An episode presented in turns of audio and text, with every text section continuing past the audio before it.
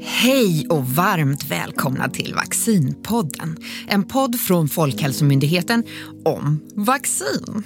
Och jag som är er programledare heter Paulina Modlitba och tillsammans med experter och gäster ska vi reda ut allt du undrar om vaccin. Och det här avsnittet görs i samarbete med Läkemedelsverket.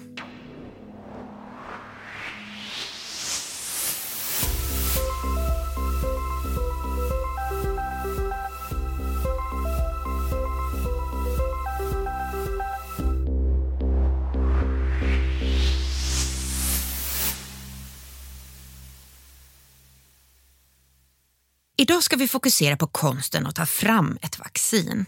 För hur gör man egentligen? Var börjar man? Och hur ser man till att ett vaccin är säkert? En sak som det pratats mycket om under covid-19-vaccineringen är de nya mRNA-vaccinen. Hur funkar de och vad är det som är nytt egentligen? Allt det här och mycket mer ska vi reda ut och till min hjälp har jag Ali Mirazimi, forskare vid Karolinska institutet och Charlotta Bergqvist, vaccinsamordnare vid Läkemedelsverket. Välkomna! Tack. Tack. Vi går rakt på sak tycker jag. För er som jobbar med virus och vacciner dagligdags, hur reagerar ni egentligen på nyheten om att covid-19 uppstått och börjat spridas? Vi börjar med dig Ali. Ja, när eh, vi fick höra nyheten från Kina och eh, det var inte så konstigt för att vi har haft en liknande utbrott med, med första sars, sars-coronaviruset. Så, men att det skulle sprida sig så här stort, jag var en av de som inte trodde på det. Mm. Och Charlotta? Ja, jag reagerade ju först, ja, som, som Ali sa, det, det vi har sett liknande tidigare men omfattningen kunde vi nog inte förutse då, i januari, februari. Jag vet att jag hastade ner till ett möte i, på WHO i Genève eh, och eh, slogs av just den här informationsflödet eh, som var otroligt snabbt och eh, väldigt informativt men också kanske där någonstans som jag började förstå allvaret och omfattningen. Ja, det här är någonting annat. Ja. Mm. Och idag ska vi prata om hur man egentligen tar fram ett vaccin. Och jag tänker att vi tar det från första början, från ax till limpa. Hur går man egentligen tillväga när man tar fram ett nytt vaccin? Ja, precis. Innan man kommer till de här kliniska testerna, det, det, det är det steget som tar många, många år. För då ska man eh, vad som egentligen man tänker, att hur kan vi få upp ett immunsvar hos en person eh, mot en specifik virus eller bakterie eller parasit utan att den personen blir sjuk. Och den immunsvaret ska skydda personen mot sjukdomen. Just den processen låter kanske lite enkelt men den är väldigt svår och det tar många år. Först ska man förstå själva immunsvarprocessen. Sen ska man förstå eh, den skyddande effekten av de här immunprocessen. Så det är det vi säger normalt tar många år, fyra, fem, sex, sju, åtta år. Så det, det, det steget är väldigt svårt och det börjar från att man sitter på labbet och försöker få fram olika verktyg i form av proteiner, plasmider, mRNA. Sen nästa steg, vi testar de här i olika djurmodeller. Man börjar med små djur, sen så småningom går, eventuellt går upp till eh, lite större djur. Sen får man gå tillbaka och sen testar man, funkar inte får man börja om, gå till labbet och börja rita hur vi skulle ha gjort från början. Och det är många forskare som gör det. Och det steget är det svåraste steget tycker jag. Och Charlotta, berätta lite om ditt jobb som vaccinsamordnare. Vad i den här kedjan från ax till limpa kommer du in? Ja, i, i min roll som utredare kan jag ta då i så fall, för att det är, det är lite där de här, den här processen kommer in. Så att där, eh, vi, vi på Läkemedelsverket får in ansökningar om godkännande. Och eh, då har eh, oftast ett företag gjort det här utvecklingsarbetet, ofta i samverkan med akademiska forskare eh, och eh, gjort hela den här utvecklingsdelen. Då har de gått från djurförsök, eh, sett att det verkar fungera, det verkar vara in, ja, ge, ge acceptabla biverkningar. Eh, man går in i en första studie på människor, en första klinisk studie det viktigaste där är säkerhet. Att man inte får några svåra reaktioner. Och det här är små studier på från tio personer ungefär. Och sen eh, så utvärderar man där, ser det ut att fungera, ser det ut att vara acceptabelt så går man vidare till fas 2-studier som är större, hundra personer, kanske hundratals. Eh, och då tittar man ofta på immunsvar och eh, säkerhet fortsatt också. Och, och hur väljer man ut de här personerna som man testar på? Ser man till att det finns en, en representation av människor med olika förutsättningar? Och... Ja, man börjar oftast med eh, friska frivilliga, unga vuxna eh, som, är, som har ett fungerande immunsystem, alltså friska i grund och botten. Eh, och sen beror det på vem som är målgruppen för vaccinet. Eh, väldigt många av de vacciner som används idag riktas ju till barn, små barn.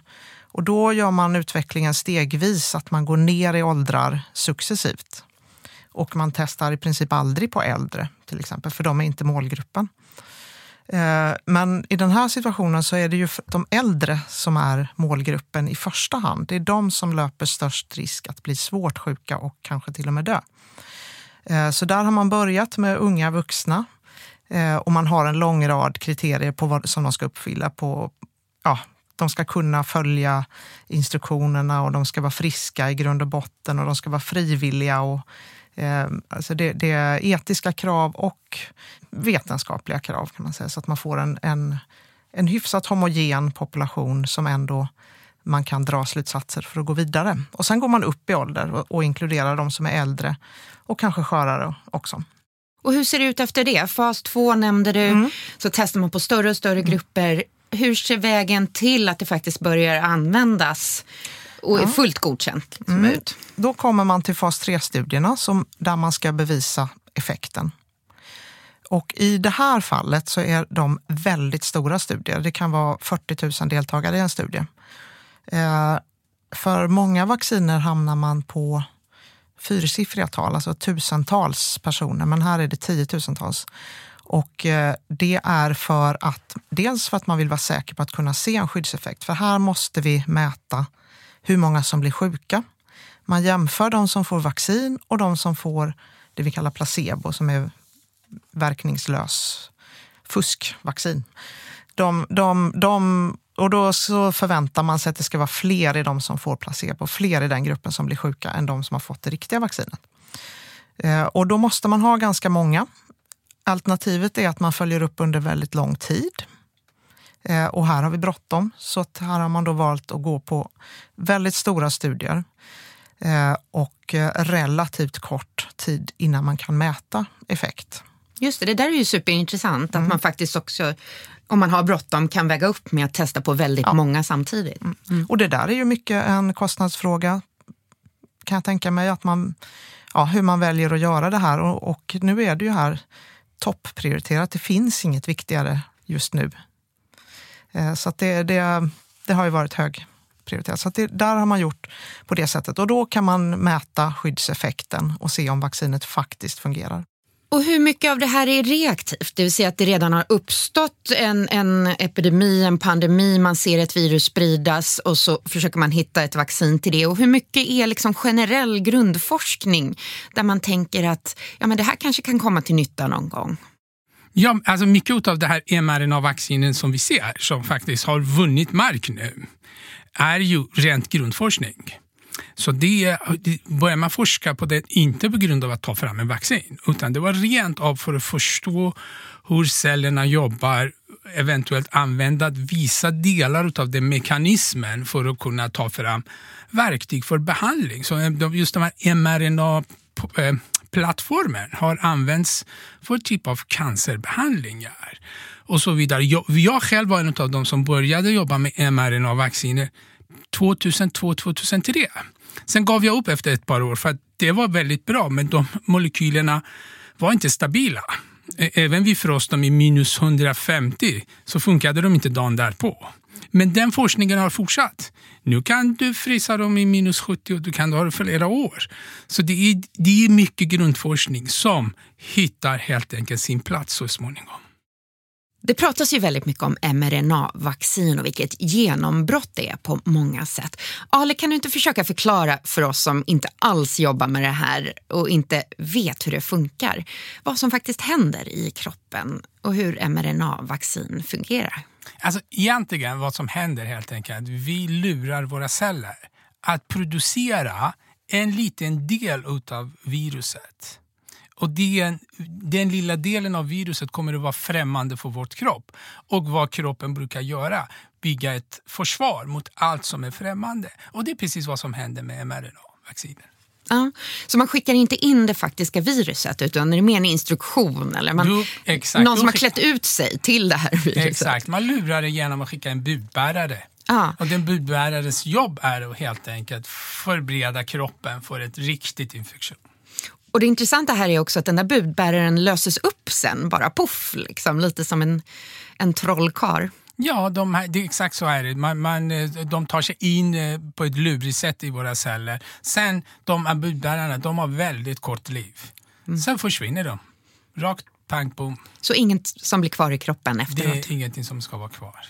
Och hur skiljer det sig från hur vaccin har fungerat historiskt? Ja, ja, de flesta vacciner, eh, alltså de, många av dem vi känner till, de bygger på ett helt annat sätt. Och då är det helt enkelt vad man gör. Man producerar det virus man vill ha vaccin för och sen ser man till att den viruset tappar sin förmåga att föröka sig. Och sen ger man det till kroppen. Så kroppen helt enkelt möts av en virus som inte kan föröka sig. Och då bygger man upp ett immunsvar. Det är det vanliga traditionella systemet. Så i det fallet så är det det faktiska viruset men ett, ett förminskat eller liksom försvagat. Man kan eh, säga att det är försvagat eller icke fungerande.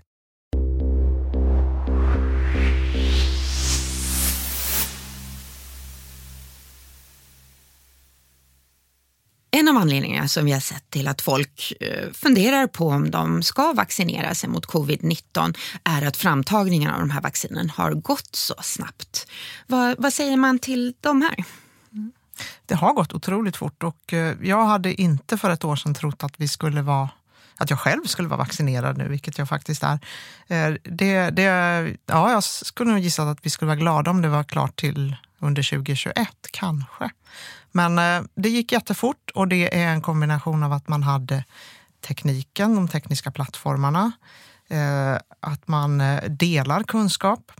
Eh, Det, det publiceras ofantliga mängder data väldigt fort och eh, en vilja, eh, en politisk vilja, en ekonomisk vilja att vi ser att, att man, man kan fokusera alla resurser på att ta fram ett vaccin.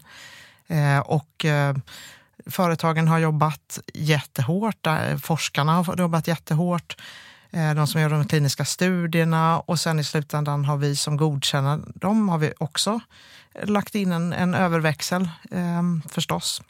Och allt det här, och man har gjort sakerna kanske inte i steg för steg och väntat och funderat och fattat beslut utan man har, man har tagit eh, risker, jag ska säga ekonomiska risker kanske man ska säga mer. Att man chansar på att det kommer att gå bra, att vi kommer att fortsätta. Så man förbereder nästa steg och börjar nästa steg innan det första steget är klart. Ja, och sen framförallt ska vi komma ihåg vi har haft en SARS-liknande eh, eh, pandemi, eh, en liten pandemi. Och det var sars-coronaviruset som kom 2002. Och det är faktiskt, vi forskade på den ungefär i 6, 7, 8 år. Redan där hade vi faktiskt ett vaccinförslag. Men då fanns ingen intresse för då fanns inte viruset. Och så har man forskat även med ett annat virus som är väldigt lik, det mers coronavirus. Även där har man tagit fram verktyg. Så för oss var det verkligen mycket lätt att kunna hoppa på och sen dra igång det.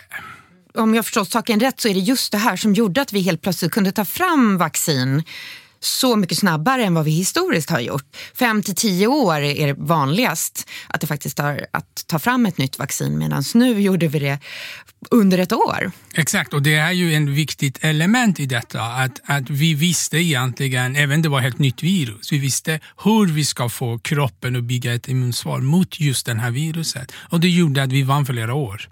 Och så här långt kan man ju också säga att vi har haft lite tur för att även om viruset förändras över tid så de varianter av viruset som har uppstått hittills har täcks ändå av de vaccinerna som vi använder nu. Eh, om det kommer att förbli så, det, det vet vi inte ännu förstås, men, men än så länge så fungerar det. Mm. Och hur sker den kontrollen egentligen? Just nu pratas det väldigt mycket om deltavarianten som det skrivs väldigt mycket om i media också.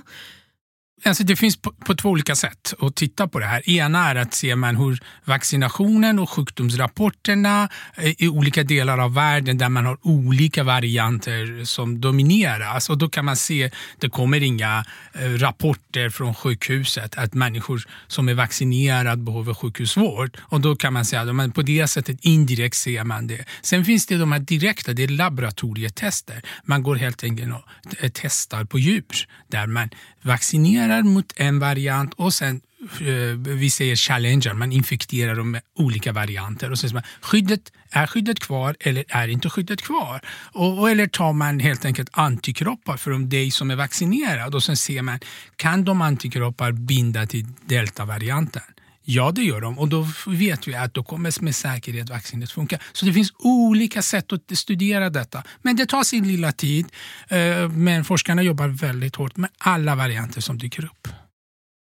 Och vad säger man egentligen till personer som kanske avvaktande till vaccinet vill vänta, se vad det uppstår för långsiktiga biverkningar? För det första så, så har, har vi både jag och väldigt många med mig som har full förståelse för att man faktiskt är orolig. Vi har inte långtidsdata.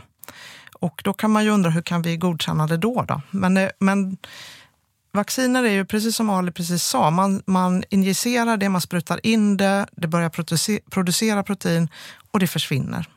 Eh, det finns ingenting i de här vaccinerna som ligger kvar och ger någon långsiktig toxisk effekt. Det är inte som, som läkemedel som man kanske äter varje dag, eh, kanske åratal. Det är en helt annan exponering. Vacciner får man en gång, det tas upp. Kroppens uppgift är att eliminera det, så det försvinner.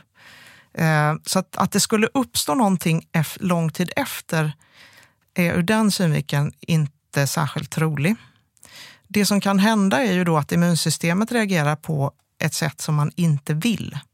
Att det reager, kanske reagerar på någon kroppsegen molekyl, att man får någon form av autoimmunitet. Eh, och det, det, kommer ju i så fall att inträffa eh, rimligtvis i anslutning till vaccinationen eller en, en tid efter det.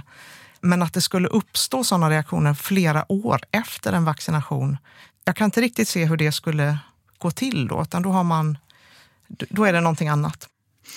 Vi har ju redan varit inne på att det, vi tog fram de här vaccinerna på rekordkort tid.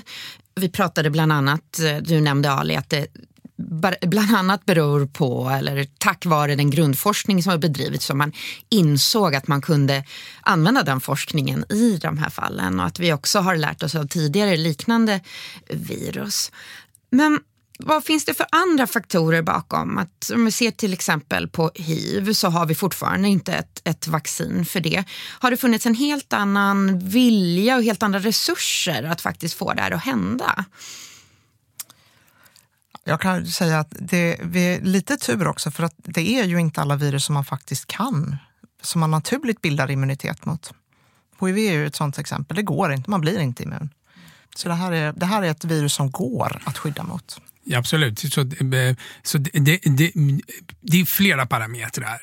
Som sagt, det biologin av viruset skiljer sig från virus till virus. Vi har virus som är enkelt att göra vaccin, typ som detta, typ som ebola, typ som eh, influensa. Eh, där vi vet hur man drar upp immunsvaret. Sen har vi sådana som HIV, som vad de gör egentligen, de attackerar immuncellerna. Så de gör immuncellerna sjuka. Så det är jättesvårt med, med vissa virus. Eh, Även där kommer så småningom framgångar, det är vi övertygade om. Men, men det har gjort att saken har gått lite långsammare. Så det är ena parametern. Det andra parametern givetvis hur pass mycket världen drabbas. För då plötsligt resurserna eh, förflyttar sig. Och då menar jag inte att det är i form av pengar, men i, i form av eh, forskar forskarresurser. För när covid kom, plötsligt i stort sett alla forskare har flyttat på sig, de som kan flytta på sin forskning. Från cellbiologer, infektionsläkare, infektionsbiologer till epidemiologer, alla håller på med covid. Och det gör helt enkelt att förflyttas en fokus och kunskap produceras. Vi pratar om kanske 150 000 vetenskapliga art artiklar på ett och ett halvt år. Det finns inga sådana siffror för andra virussjukdomar. Nej. Så kunskap produceras. Jag tänker att vi ska blicka lite framåt och, och se på framtiden för den här typen av, av, vaccin. Vi har varit inne på till exempel de här mRNA-vaccinen och den tekniken eh, existerade som grundforskning och att man har tittat på till exempel cancer, alltså vilken roll det spelar för cancer. Vad, är, vad skulle ni säga är den stora vinningen med den här nya forskningen? Vad kommer det innebära framåt? Kommer det användas inom andra områden? Vad väntar vid horisonten? Vi har gjort någonting som fått tre, fyra år sedan om du hade frågat mig, kan vi ta fram vaccin på under ett år, producerat och börjat liksom, vaccinera människor? Aldrig. Mm. Science fiction, det här kommer inte hända. Mm. Det hände. Knappt mm. eh, ett år så hade vi. Så, så först och främst, jag tror att vi kan se att vi människor, om vi går tillsammans, kan vi göra omöjliga möjliga. Det är nummer ett, det kan vi ta med oss i alla frågor. Nummer två, att de här teknikerna som har varit där bakom, både de här Eh, Eh, virusvektorplattformarna, de här mRNA-plattformarna, de har funnits i många år.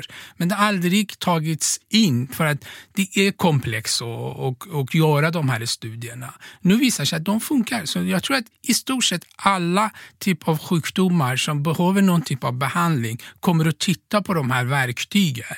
Och det är svårt idag att se vilket sjukdomsvariant kan man ta fram läkemedel eller vaccin med hjälp av de teknikerna. Men däremot definitivt Eh, jag ser fram emot framtiden faktiskt. Det kommer att hända mycket grejer. Mm.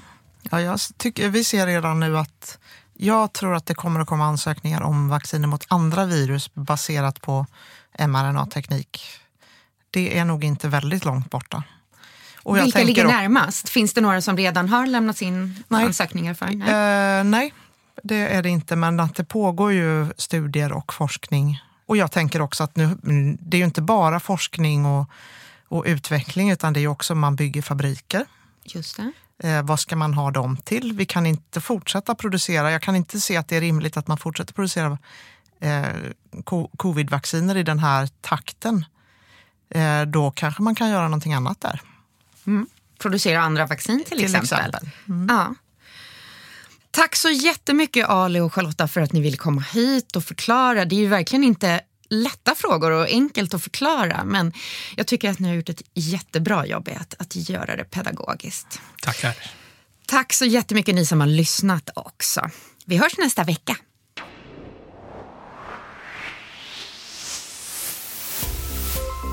Vaccinpodden är en podd från Folkhälsomyndigheten, Socialstyrelsen, Läkemedelsverket och Myndigheten för samhällsskydd och beredskap. Det här var en produktion av Soundtelling.